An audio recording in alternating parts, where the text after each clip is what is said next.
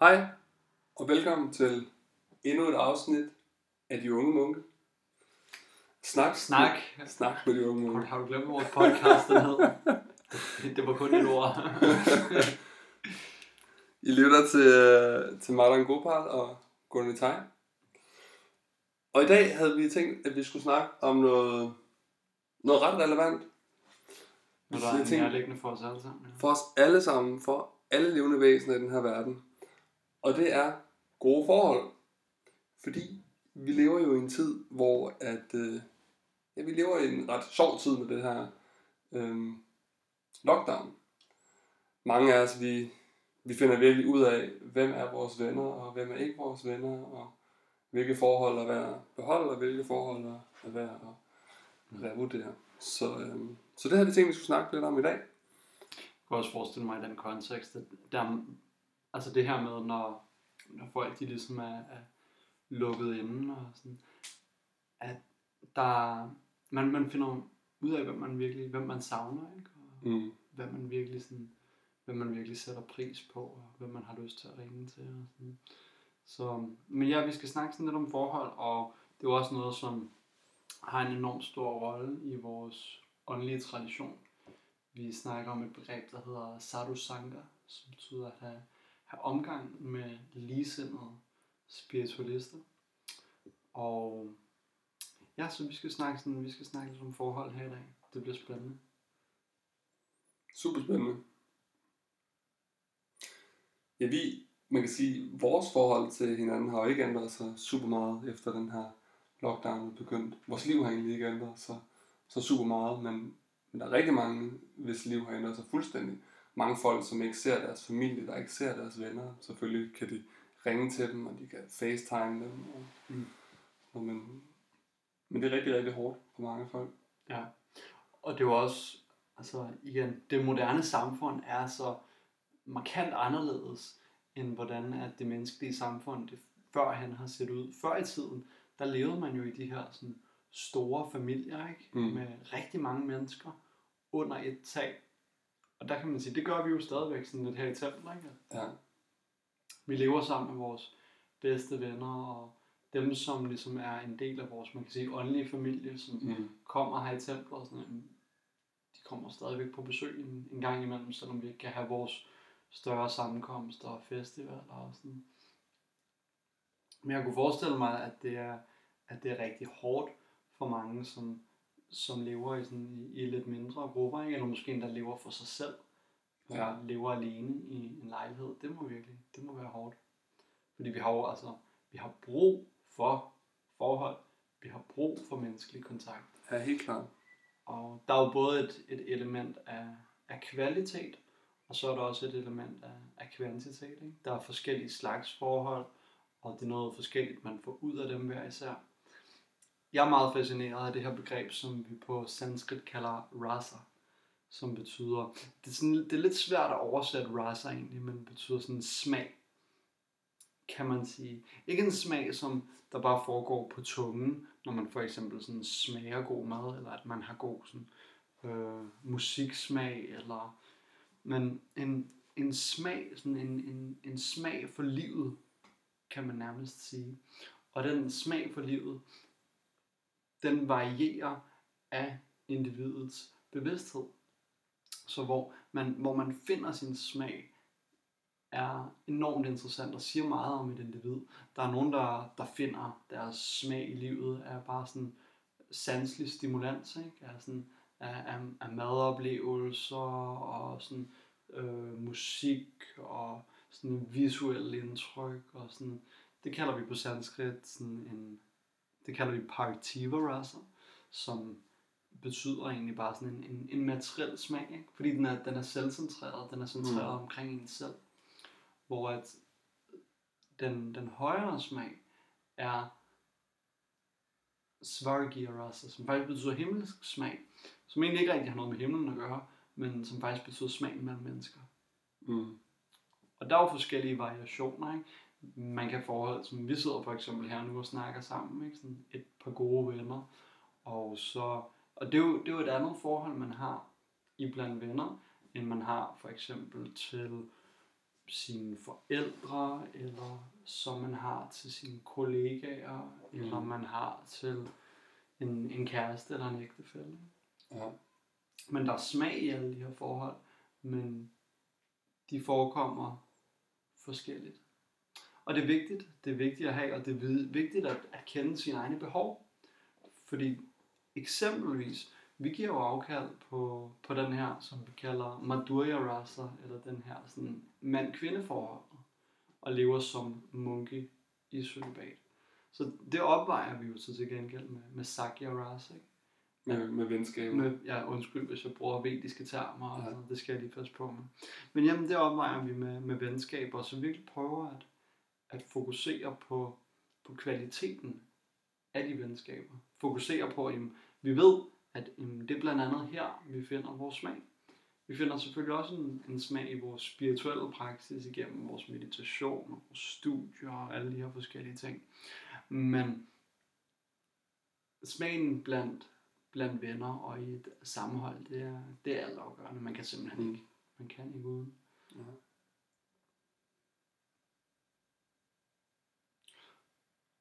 Og det er sådan lidt, det er interessant, fordi vi, vi længes alle sammen efter at opleve de her sådan forskellige typer forhold.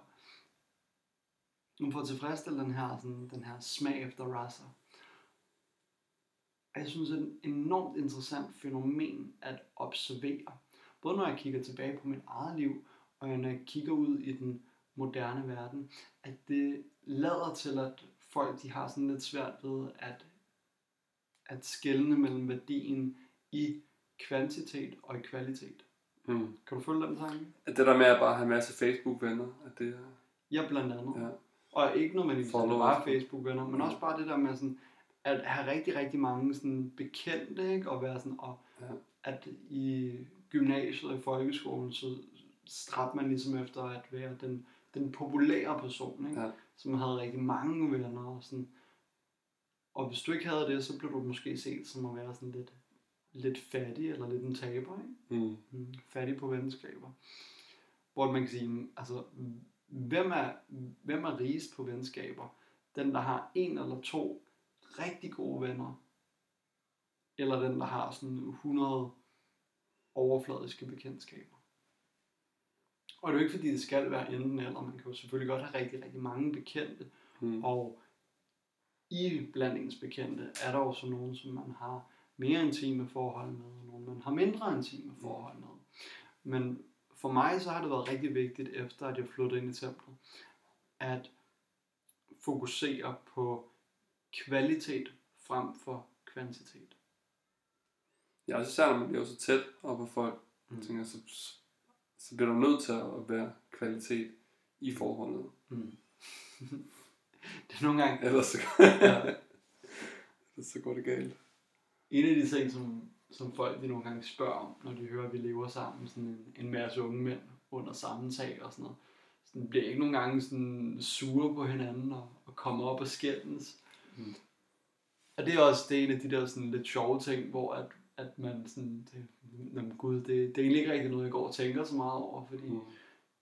nej, egentlig ikke, altså, en gang imellem, så er der jo nogle, nogle uoverensstemmelser, ikke? men det er, jo, det er jo meget sjældent noget, der går hen og, og bliver personligt, ikke? og at, ja. at der er nogen, der render rundt og har sådan et... Øh, sådan grudge. Ja, ja, sådan lidt bæren af, ikke? Og sådan, ja. ja. Og vi er ret gode til at sige ting til hinanden, hvis der, vi tager det i opløbet. Mm. Og det er også igen, man kan sige det her ved, at man, når, når vi fokuserer enormt meget på kvaliteter, individuelle kvaliteter, ikke, som at være sådan tolerant og være overbærende og være sådan medfølende og sensitiv og sådan og tjenestevillig, mm. sådan hjælpsom, så kan man sige, hvis, hvis det er dine værdier, hvis du fokuserer på det her, så kan man sige, så bliver det også meget, meget lettere at danne gode forhold. Hvis du fokuserer på, hvad er det egentlig for nogle, altså hvad er byggestenene af mit forhold? Fordi det er jo ens værdi og ens væremåde, ikke? Og ens interesse. Og der kan man sige, der har vi også en rigtig fed fordel i og med, at vores vennekreds er ikke bare sådan en eller anden, som man sådan bliver sådan smidt ind i. Jeg, jeg kan huske for eksempel, da jeg startede øh, i gymnasiet, så var det jo meget sådan det der, jamen, hvem bliver man sat i klasse med? Ja. Hvem sidder man ved siden af på første skoledag? ikke? Og alle er jo sådan lidt nervøse, og sådan, åh, ny situation, hvordan skal man lige sådan håndtere den? Ikke? Man har ikke lyst til at træde ved siden af og være den der, der bliver kigget skævt til. Og alle er sådan lidt nervøse, så derfor så finder man sådan hurtigt sådan tilflugt hos andre. Jeg kan sige sådan, hov, ups, der var sådan en, en kammerat her, der var en ven her, baseret på, at man måske sådan sad ved bord sammen, eller sådan, at man fandt ud af, at man havde en eller anden sådan ting til fælles. Ikke? Eller at man bare sådan faldt i snak. Det virkede meget sådan, meget vilkårligt. Og der har jeg sådan senere han faktisk tænkt, at jamen, de, de venner, som jeg har haft i løbet af livet, er egentlig ikke noget, jeg har været sådan så, så selektiv omkring. Og det tror jeg er en ting, som unge mennesker, de ville have rigtig godt af at tænke over. Hvem, hvem er mine venner? Ikke bare, sådan, ikke bare personerne, du kan godt sådan name drop, ikke? men tænk over sådan deres kvaliteter, Mm. og tænk over deres værdier, og hvordan at man selv har lyst til at, ja, hvilke værdier man selv har lyst til at arbejde sig hen imod. Ikke? Fordi det er jo igen, hvis vi kommer til det her punkt med, med sanker, det er noget, vi går enormt meget op i, det her med, at man, at man til og fravælger sin, sin omgangskreds med henblik på, hvad det er, man godt kunne tænke sig at, at opnå, og hvad man godt kunne tænke sig at udleve. Så for eksempel, hvis man sådan skal starte på, på gymnasiet, mm, hvis man så får inden, så sådan skriver en lille liste, og sådan, jamen, hvad er det for nogle venner, som, som jeg egentlig godt kunne, kunne tænke mig at, få, når jeg starter på den her skole. Fordi der kommer til at være sådan, der er hundredvis, måske endda tusind andre unge mennesker, elever omkring en. Og du kan ikke blive bedste venner med dem alle sammen. Men du kommer højst sandsynligvis til at få 1, 2, 3, måske sådan flere rigtig nære venner. Så hvis man kunne være sådan at jamen hvad er det for nogle værdier og sådan, fordi der har jeg selv oplevet det her med, at, man ligesom bliver trukket ind i en, en sådan kultur og nogle Mm. vaner og sådan noget. Ja, helt sikkert. Man siger jo, man er, man er kun gennemsnittet af ens fem bedste venner. Mm. Jeg kan huske, da jeg gik på gymnasiet, så, så fik jeg en ny ven, en person, jeg gik i parallelklasse med. Og han var sådan ret anderledes. Jeg var også lidt en hippie. Um, og han var nok det, man ville kalde en popdreng. Det kaldte man Mm. man nok kaldt dengang. Um, vi begyndte sådan at hænge lidt ud sammen. Han, han boede ikke så langt fra mig i en sådan lille ungdomsbolig. Og um, ja, vi hang ud sammen og røg nogle joints sammen og sådan noget. Og han så Paradise Hotel. og jeg synes, Paradise Hotel var så nederen. Virkelig, virkelig nederen. Men hver eneste gang, vi sad hjemme hos ham og chillede, så ville han altid sætte Paradise Hotel på sådan, Mads, skal vi, skal vi ikke lige se det her afsnit af Paradise Hotel? sådan, det er nye afsnit, det er sæson 8 og sådan noget. Og ham her, han er lige, hvor han måske sådan, nej, sådan, jeg var bare sådan, nej, jeg gider ikke se Paradise Hotel. Men det endte selvfølgelig med, at, vi, at med at se det, et, jeg, så tror jeg så sådan 1, 2, 3 afsnit med ham. Og så begyndte jeg skulle se det selv. så begyndte jeg at sidde med Paradise Hotel selv. Og det er bare sådan et godt eksempel på, hvor meget en, en ven kan have indflydelse på ens bevidsthed. Mm. At jeg begyndte at se noget så forfærdeligt nederen som Paradise Hotel. Det har du aldrig sagt før. Gået lidt stille med dørene, for, Ja, for ikke at blive dømt og sådan noget. Nu, nu har jeg kendt dig i, sådan, i, i sådan fire år. Jeg, Ja. Jeg tror, jeg så to sæsoner af det, eller sådan noget. Det var. tænker, jeg overhovedet har lukket i mit liv. Så nu ved hele verden. Spøg, spøg til siden. Og det er godt at vise noget, noget sårbarhed. Men ja, altså Sanka er omgang betyder utrolig meget for en. Jeg kan huske, jeg blev personligt, så da, da jeg gik i folkeskole, så begyndte vi i en, en ret ung alder, sådan i, i 9. klasse, øh, røg min første joint, og gik jo på, gik i skole på Frederiksberg, og staden, det var jo kun en, en cykeltur væk, ikke? Så øh, jeg begyndte at ryge sådan lidt, lidt hash i, øh, i folkeskolen, og så senere han, det er en anden historie, den tror jeg ikke, jeg skal alt for meget ind i her nu, men øh, jeg har jo lidt af en fortid, ikke? Øh, så jeg blev faktisk smidt ud af min efterskole. Øh, ikke kun for at hash, men der var faktisk der var flere ting, som, som hobede sig op. Nå, Det, det må vi tage næste gang. den, den tager vi næste gang. Det bliver lige sådan, det bliver en cliffhanger. Men jeg blev smidt ud af min efterskole, og en af grundene dertil var, at jeg blev, jeg blev testet positiv på en, øh, en hashtest. Og så, jeg, anyway, jeg blev smidt ud af min efterskole. Jeg startede på en ny efterskole, og, sådan, og i den periode, sådan de første par måneder, mens jeg gik på efterskole, så, øhm, så skulle jeg tage sådan nogle, øh, ja, sådan nogle pistest. Mm. ville mine forældre have mig til, så de kunne se, om jeg røg hash eller ej. Og det gjorde jeg så. Og øh, jamen, jeg, jeg Du tog pestesten, eller? Ja, altså det, det gjorde jeg sådan så regelmæssigt okay. derhjemme, ikke? Ja. For at de ligesom kunne sikre sig, at, at jeg ikke faldt i igen og sådan noget. Så anyway, sådan resten af mit efterskoleår, der var jeg, sådan, der var jeg helt, helt clean og røg overhovedet ikke. Og havde det faktisk sådan, havde det ret godt med det, da jeg kom på efterskole, så fik jeg nogle, nogle andre interesser, ikke? Og nogle nye venner og Mm. sådan. Men så da jeg kom tilbage, på, tilbage til København, så startede jeg så på Christianshavns Gymnasium. Og det, den, det første halve år, der blev jeg faktisk kaldt Sankt Jakob. Sankt Jakob, fordi at jeg ikke røg hash. Så det var nok til at gøre en til en, en helgen, når man gik på Christianshavns Gymnasium. Og det Sankt Jakob der, er I sådan, øh, pas lige jointen rundt og sådan noget. Nej, Sankt Jakob, han skal ikke have noget, det, det ved vi godt. Og sådan. Så det første halve år, der bliver jeg drillet med, at jeg ikke røg hash. Så altså, sådan, selvfølgelig ikke, jeg blev ikke mobbet eller sådan, men, men det blev sådan, sådan joket lidt med det, ikke? Og, sådan, og så efter et, halvt års tid og sådan noget, så, så selvfølgelig så begyndte jeg jo også. Så det var lidt det der med, at hvis du sætter dig ind i en sauna, mm, så kommer du højst sandsynligvis til at svede, ikke? Mm. Og hvis du går ind i en iglo, så kommer du til at fryse. Så bevidstheden af din omgang kommer til at sige helt enormt meget for din bevidsthed.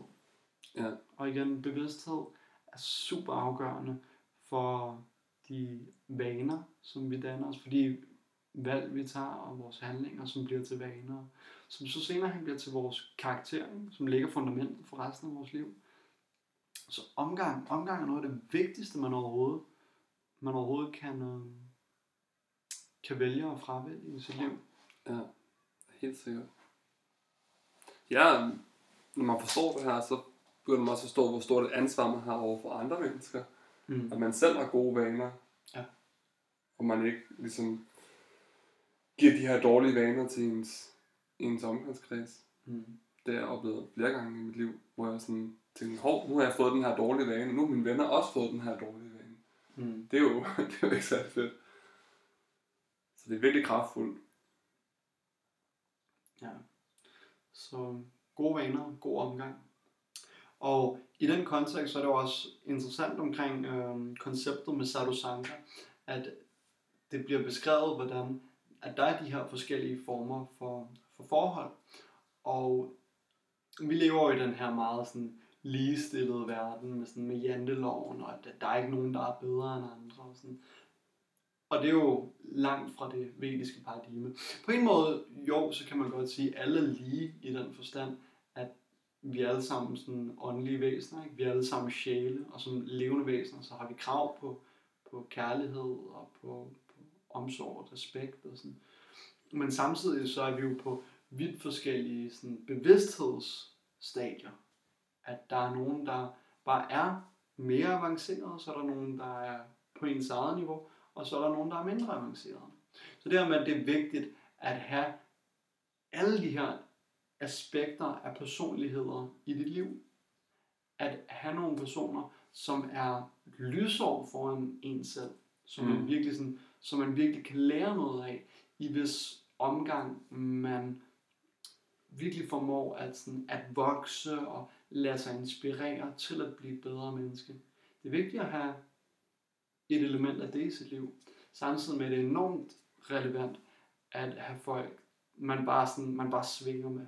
Folk, man bare er på bølgelængde med. Folk, iblandt hvem man bare sådan kan slappe af og være sig selv og have det sjovt. Mm. Super vigtigt. Og så omvendt, så er der nogle folk, som man er bedre stillet end folk, som er på et lidt lavere niveau. Måske folk, der er yngre, der ikke har så meget livserfaring. Eller... Og for dem, så bliver man så selv nødt til at være den her lidt mere sådan avancerede person, som i stedet for, at tendensen er jo ofte sådan, at, at man gør det omvendt, at hvis der er nogle folk, der er bedre end en selv, så bliver man, sådan, så bliver man misundelig og gider ikke at have noget med dem at gøre, og sådan holder dem på afstand. Mm. Og med dem, der er vores, vores ligeværdige, så går vi ind og prøver at konkurrere, ikke? og prøver at hæve os selv og være, sådan, og være den bedste. Og blandt dem, som er dårligere stillet end os selv, så prøver vi ligesom at igen at, sådan, at hæve det os og, og dominere. Ikke? Og sådan. Så det er den der, det er sådan lidt sådan en, en hedonistisk kultur, hvor jeg synes, den her sådan spirituelle kultur er utrolig smuk. At du ser en, en person, som har nogle kvaliteter, som er beundringsværdige, som du gerne selv vil have. Og så tænker du, jamen, hvordan, kan jeg, hvordan kan jeg tjene, hvordan kan jeg glæde, og hvordan kan jeg lære fra den her person. Mm. Det er jo hele guru-princippet, ikke? At, man, at man faktisk underkaster sig en person, der er mere avanceret end en selv. Så når man har folk, på hvem man er på bølgelængde, venskaber. Og når man har folk, som er i en lavere situation, så er du den hjælpende hånd. Ja. Det er nok en af grundene til, at det fungerer så godt her i templet, fordi vi prøver virkelig at implementere det her i vores liv, kan man sige. Nu er vi så flest sådan ligesindede her i templet. Vi er sådan meget sådan venner med hinanden, men vi har også sådan folk, som kommer i templet, som er, er ældre og har meget mere erfaring også. Mm. Og vi har også hele tiden folk, som, som er ret nye, når det kommer til åndeligt liv, som, kom, som kommer lige hjem fra gaden, skulle jeg sige, som vi så kan hjælpe og undervise og støtte op omkring. Og det laver bare en virkelig fantastisk dynamik her i templet. Mm. Det, kan, det tror jeg, de fleste kan sige, hvis de har prøvet at være her i templet, at det, det er virkelig, virkelig en god atmosfære, Mm. der er her i templet. Fordi vi forstår det her, hvordan vi skal sådan interagere med hinanden på et sundt og, og modent niveau. Ja, det, det er fedt at have, sådan, at have nogle templates ikke? for nogle, øhm, hvad siger man, sådan nogle skabeloner for hvordan at du har sociale forhold. Det her med at vide, Ja. at når du har dine ældre, når du har dine senior, så prøver du ikke at imponere dem. Mm. Så tager du den underdanige position, position. Du stiller spørgsmål frem for at snakke i munden på dem. Og så naturligt, så vil, vil det afføde sådan en, en, en rasa. En, en relation. Så det er egentlig en interessant pointe, det her med, at, at du kan finde rasa, du kan finde den her smagen af forhold i relation til alle mennesker omkring dig. Men hvis du virkelig, hvis du ved, hvordan det virker, hvis du bliver sådan en, en rasser, connoisseur, så forstår du, at jamen, okay, hvis jeg gerne vil have smag ud af forholdet til min lærer, så opfører jeg mig på den her måde, så sørger jeg for at være forberedt, jeg sørger for at stille gode spørgsmål, jeg faciliterer, at personen har mulighed for at udfolde sin viden for min gavn. Mm. Og det ville jo være akavet, hvis man opførte sig på samme måde over for sin kæreste. Så der opfører man sig på en anden måde. Så der er en måde, hvorpå at vi kan hive rasser ud af forholdet med vores venner, ud af forholdet til vores ældre, ud af forholdet til vores juniorer. Og at, at forstå det og prøve at praktisere det. Fordi teoretisk, der er det super, super fede koncepter, som man kan arbejde med. Men når man så rent faktisk prøver at putte dem i praksis og blive sådan en, en rasa connoisseur, så kan man virkelig mærke ens livskvalitet stige. Mm. Helt sikkert. Så ja, som du siger, det er nok en af grundene til, at, at det virker ret fedt her i, i templet. Der er en god atmosfære. Fordi vi har nogle fede værktøjer, og så samtidig så har vi ligesom et laboratorium. Man kan sige, templet er sådan lidt et, et spirituelt laboratorium? Mm. hvor at vi har gang i alle de her meditative teknikker, og applikerer den her sådan åndsvidenskab, hvor i indgår sådan videnskab om forhold. Og sådan. Så ja, Det er, det er virkelig et privilegie at få lov til at, at være her og være en del af sammenholdet. Især med henblik på den situation, som vi, vi har lige nu. det er også det er helt skørt. Her i dag, så skal vi have kirtan i aften. Men vi har blevet nødt til at annoncere, at øh, men der må altså maks komme 25, og øh, grundet de her social restrictions, så skal vi sidde to meter fra hinanden, og øh, lad venligst være med at, at spytte ud over de næste, ikke? og alt det her, sådan, skal at desinficere dine fingre, når du kommer ind i templer, og sådan alle de her, sådan, det, det plejer at være sådan, altså, Det bare meget mere intimt og tæt. Og, Ja, det her med, altså, man, man, skal, man skal have lov til at, sådan, at, at omfavne sine venner, Mm. ikke? Og Ja. virkelig sådan sidde ved siden af dem og slå hinanden på skulderen og, sådan, og spise mad sammen. Og, og ja, vi, vi kan jo stadigvæk gøre de her ting, sådan, også selv iblandt. Men jeg har virkelig, jeg har virkelig ondt af, af de mennesker, som, som ikke har det. Det må virkelig være hårdt. Det må virkelig være hårdt at bo alene i den her tid. Det er heldigvis blevet bedre, kan man sige. Mm. Folk får lov til at gå ud på gaden nu. Folk sidder og drikker kaffe på restauranterne. Mm. Det, det er dejligt at se. Ja. Det er ikke helt lige så svært for folk. Ja, Danmark er heller ikke det værste sted i verden. Nej. Jeg så en ret skræmmende statistik faktisk, at siden den her corona-lockdown, den startede, er selvmordsraten firedoblet i forhold til sidste år. Ja.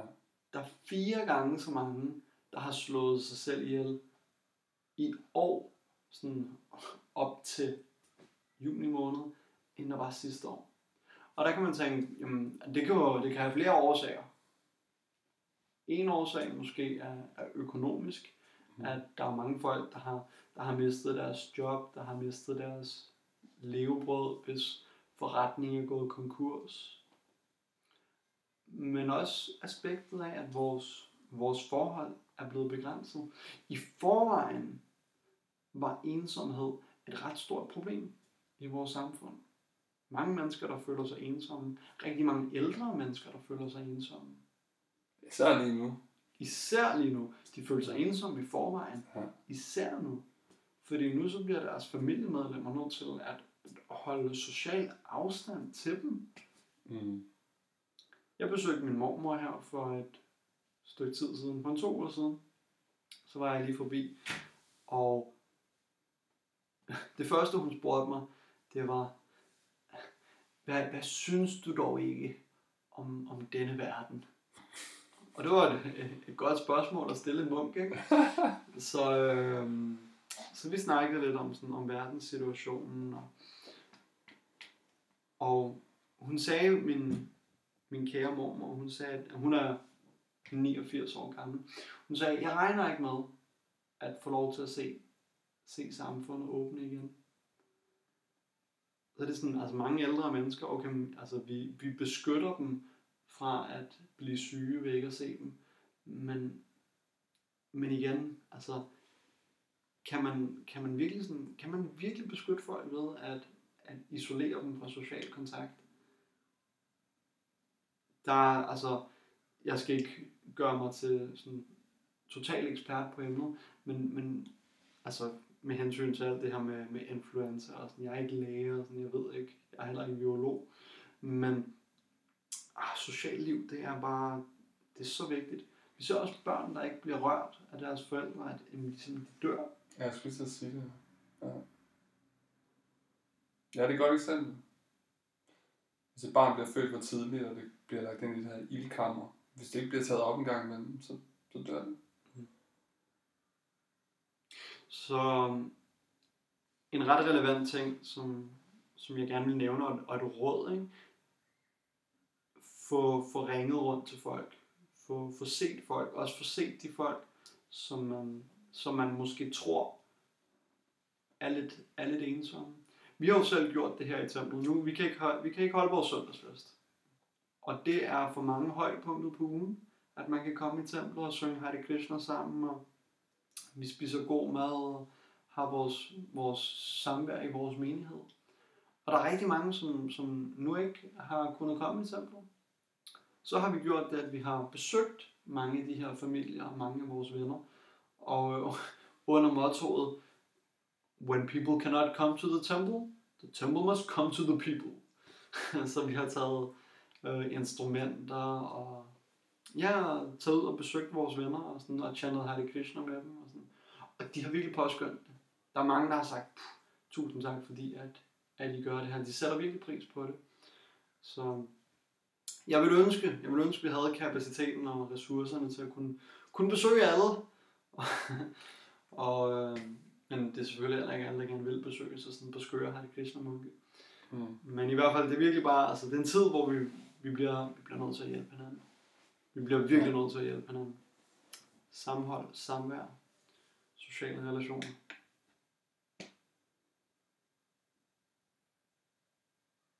Jeg skal tisse. kan vi lige øh, måske bare lige stoppe den hurtigt? Så øh, jeg vil bare lige undskylde mig og sige, at vi havde den her dag i går, hvor at vi tørfastede. Det hedder Nirjal Ekadasi på den vediske kalender.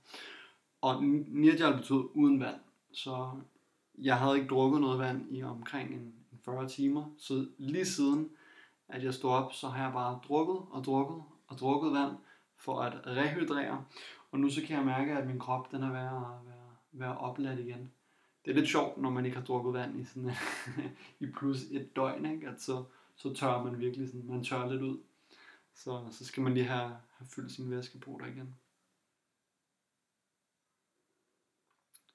Men uh, anyway, kom vi egentlig ikke, uh, kom vi ikke meget godt rundt om det?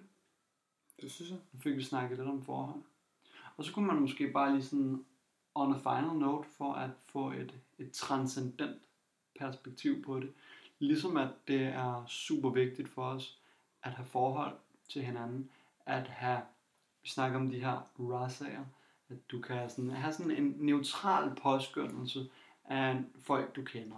At der er nogle folk, som du bare synes, vedkommende er, er rigtig flink og rar, eller sådan fantastisk, sådan talentfuld, intelligent, whatever, og du påskynder dem på afstand. Det er også et forhold, men det er et meget neutralt forhold, der hedder Chandra på sanskrit.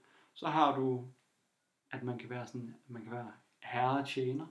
Der, der er en, der er en arbejdsgiver, der er en anden, der er en arbejder, og sådan. Der er også et forhold der. Og så har du så de tre højere, ikke? Venskab og forholdet mellem forældre og børn, og så forholdet baseret på øhm, ja, kærlighed mellem mand og kvinde. Mm. Men udover dem, så har vi også, det er, de er alle sammen i kategorien, der er um, Svagira, altså de her sådan himmelske forhold mellem mennesker, mellem personer. Og så har du så Vaikuntha Rasa også, hvilket jo betyder ens forhold til Gud.